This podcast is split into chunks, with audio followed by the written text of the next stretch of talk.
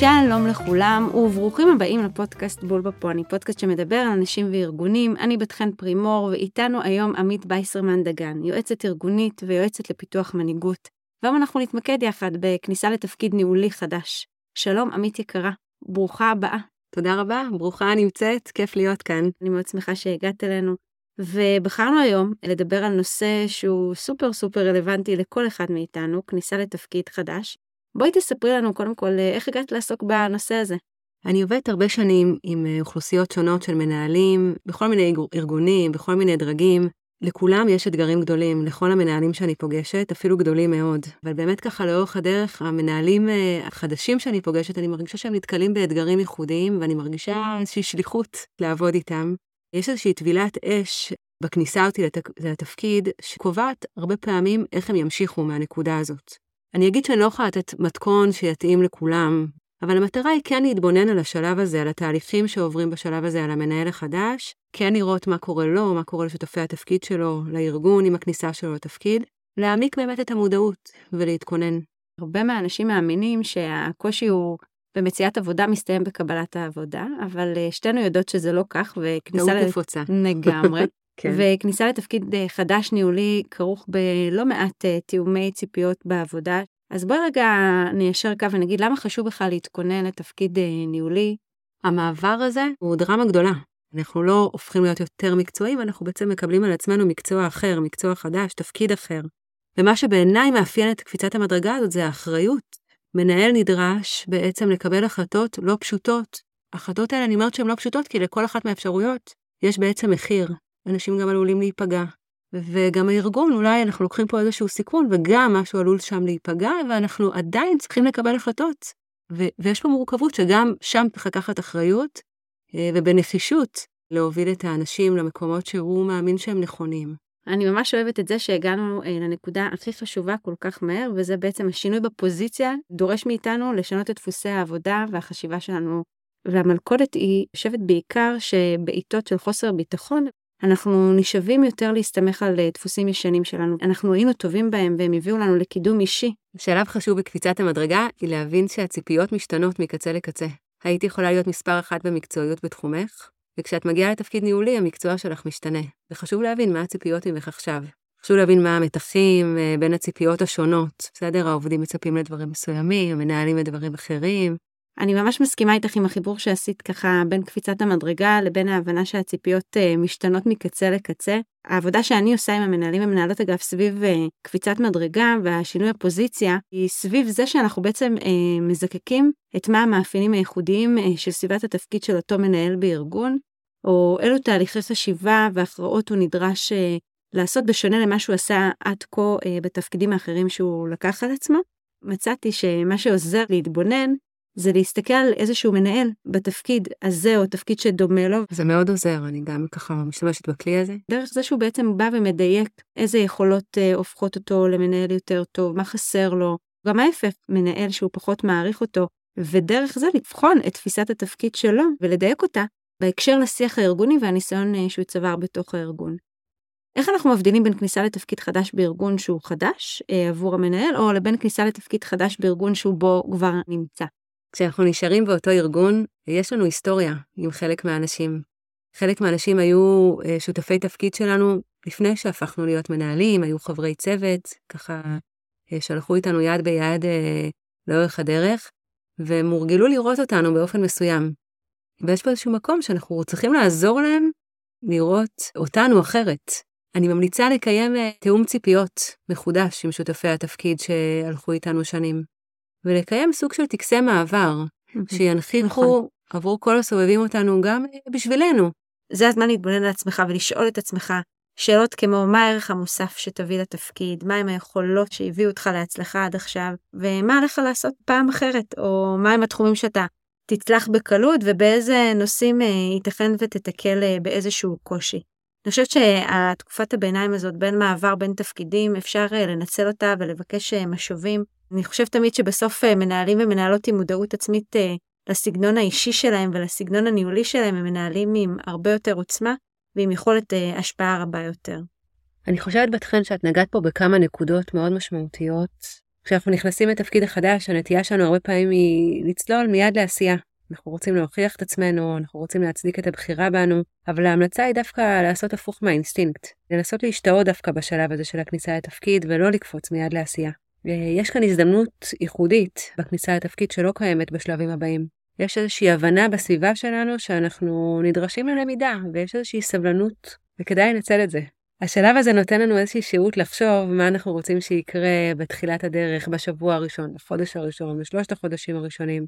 אני ממש ממליצה לבנות תוכנית ללמידה לכניסה לתפקיד החדש. כדאי uh, לקרוא מסמכים רלוונטיים, להכיר את המבנה הארגוני, להבין מה היו הביצועים של היחידה הארגונית שאליה אנחנו נכנסים.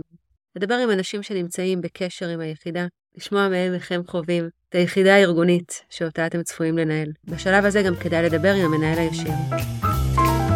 אין ספק שלעשות תנה ולמידה על תרבות ארגונית של המקום החדש ומה הדברים שחשובים בו, על מה נותנים אה, צל"ש ועל מה נותנים טר"ש, זה סופר קריטי, צריך להיות אגב אה, מאוד יצירתי בהכנה ולהשתמש בכל דרך בעיניי שהיא לגיטימית, אם זה דרך אה, גוגל או דרך רשתות אחרות שנמצאות באותו ארגון, או שיחות עם חברים או פורשים. בואו נדבר קצת על הימים הראשונים כמנהלים. בימים הראשונים כמנהלים בארגון חדש, שאליו אנחנו נכנסים, הרבה פעמים אנחנו באיזושהי חוויה שאנחנו תחת זכוכית מגדלת. צריך להבין אבל שלרוב הנטייה של מי שבחר אתכם תהיה לתת לכם רוח גבית. לא לחפש אתכם, אלא להיות צלחנים ולעזור לכם להשתלב כמה שיותר מהר. ההצלחה שלכם היא הצלחה שלהם. הצלחה שלכם מהווה בעצם הוכחה שיכולת השיפוט שלהם טובה. הם יודעים לקרוא אנשים נכון ולבחור נכון. מולם חשוב מאוד לשמר את התחושה שהם בחרו נכון ולהעצים אותה.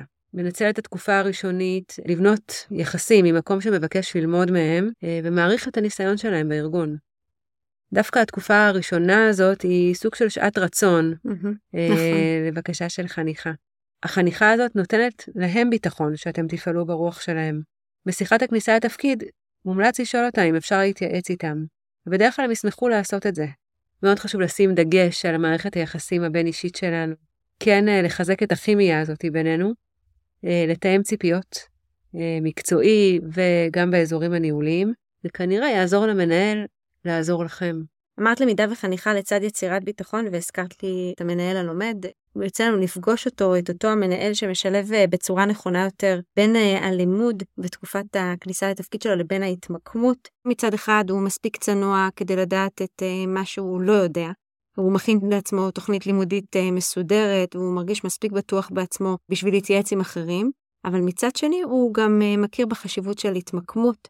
הוא מבין שאי אפשר ליצור חלל או ואקום ניהולי, בסוף דבט אה, זקוק אה, לרצף אה, ניהולי שהוא אחראי והוא סמכותי, ושמתווה דרך ומציב דרישות בטווח הקצר וגם בטווח הארוך. נכון, את צודקת מאוד. אני חושבת שזה מתח עדין שלא תמיד קל להחזיק. לא להיבלע בתהליך הלמידה של המסמכים והנהלים, לא להתחפר במשרד בשביל ללמוד, אלא לייצר מגע ולהיות באמת בהקשבה לקולות השונים. יש הרבה אנשים מסביב שרוצים להשמיע את הקול שלהם בפני המנהל החדש, וזאת הזדמנות להיות שם. אני גם אגיד שהרבה פעמים מנהלים קונים את עולמם דרך אה, ניצחונות מהירים, מה שנקרא, ודברים שחשובים או למנהלים שלהם או לעובדים שלהם. עצם זה שאנחנו מתעסקים בדברים שמעסיקים אנשים, שמטרידים אנשים, מחזק את האמון בנו ואת התפיסה שאנחנו הולכים אה, לכיוונים שהם אה, מתחברים אליהם. טיפ חשוב, לנסות להסתדר מעולה עם העוזר או עם העוזרת שאחראים על בניית הלו"ז של מי שחשובה לנו הגישה אליו. הרבה פעמים הם שומרי הסף, ודרכם אפשר uh, להיכנס. אז בואי רגע נתעמק על ממונים. ממה, ממה אנחנו בעצם מתחילים? ההמלצה היא לעשות איזושהי שיחת אבחון עם המנהל, להבין איך הוא קורא את המצב, לעשות איתו איזושהי שיחה של ציפיות, מה הוא רוצה שאתה תעשה, באיזה טווח זמן, ומה יוגדר על ידו כהצלחה, וגם שיחה על דרך העבודה שלכם. יכול גם לנסות להבין, דרך מנהלים אחרים גם שאתה עובד איתם, מה סגנון העבודה של המנהל, איפה יש פוטנציאל לחיכוך, איפה יש פוטנציאל להצלחה.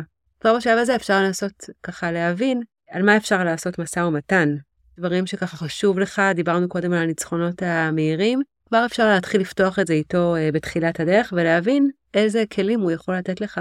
אין ספק שתיאום ציפיות אה, ברור ככל האפשר עם הממונה החדש לגבי תחומי הסמכות והאחריות הם אה, חשובים, וככל שיש פערים בין תחומי האחריות שהמנהל החדש מופקד עליהם לבין הסמכות שהוא מקבל אותם, צריך לדון על זה כמה שיותר מראש ולהבין את המשמעויות. בואי רגע נדבר על העובדים, מה יעבוד מולם?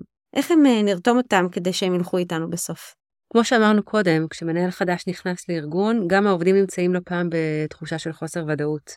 הם לא בטוחים איך הכניסה שלך לתפקיד תשפיע עליהם, האם המיקום שלהם יתערער, האם יזכו ליותר או לפחות הערכה, האם תנאי העבודה שלהם ישתפרו או יתערערו, וגם לך כמנהל יש אג'נדה. השילוב האופטימלי הוא בין הישגים מצוינים ועובדים אה, שבעי רצון. אחת מהפנטזיות של מנהלים חדשים היא להתקבל על ידי העובדים שלהם בשמחה ובאמון. יש מנהלים שמספרים על האכזבה שמתלווה לכך שהעובדים שלהם באים אליהם בתלונות, למרות שהם מתאמצים מאוד. אז מה עובד בשלב הזה?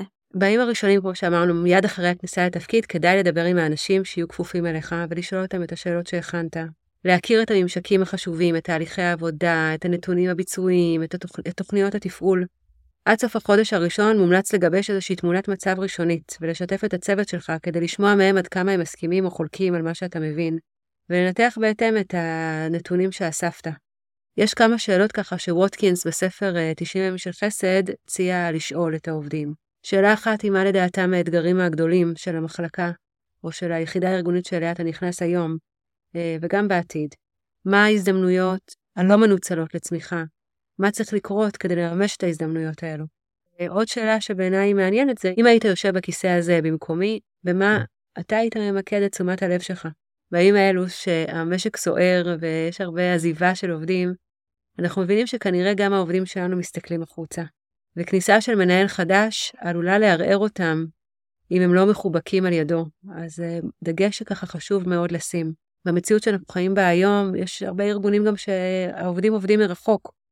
אה, ושם עוד יותר חשוב להשקיע בבניית האמון עם העובדים. כדי להגביר את הלכידות בצוות, האחריות היא עליך, האחריות היא על המנהל.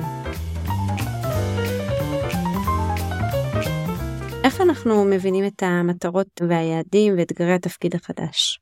כשאנחנו נכנסים לארגון, מומלץ לנסות לייצר איזושהי מפה שתסייע להתמצא בשדה הארגוני שאליו אנחנו נכנסים. חשוב לנו להבין מי משפיע, מי יושב על ברזים ארגוניים, כמו משאבים וידע, מי מובילי הדעה בארגון, למי כדאי להתחבר. איך עושים את זה? זה לא פשוט, אבל חשוב ככה לשלוף אנטנות, לפתוח עיניים, לשאול שאלות, להקשיב, לאסוף רמזים, להתבונן עליהם, לא להתעלם מהם. גם אם יש דברים שאנחנו מזהים שהם לא פשוטים, לנסות רגע לא להימנע מ- מלהתבונן עליהם, ולהתחיל לחשוב איך אנחנו מתמודדים. מנהל שמשתבלל, שככה נכנס לאיזשהו משרד ומבלה את רוב היום בביצוע המשימות לבד, קשה לקלוט את התהליכים שנולדים אה, בארגון באזורים הלא פורמליים.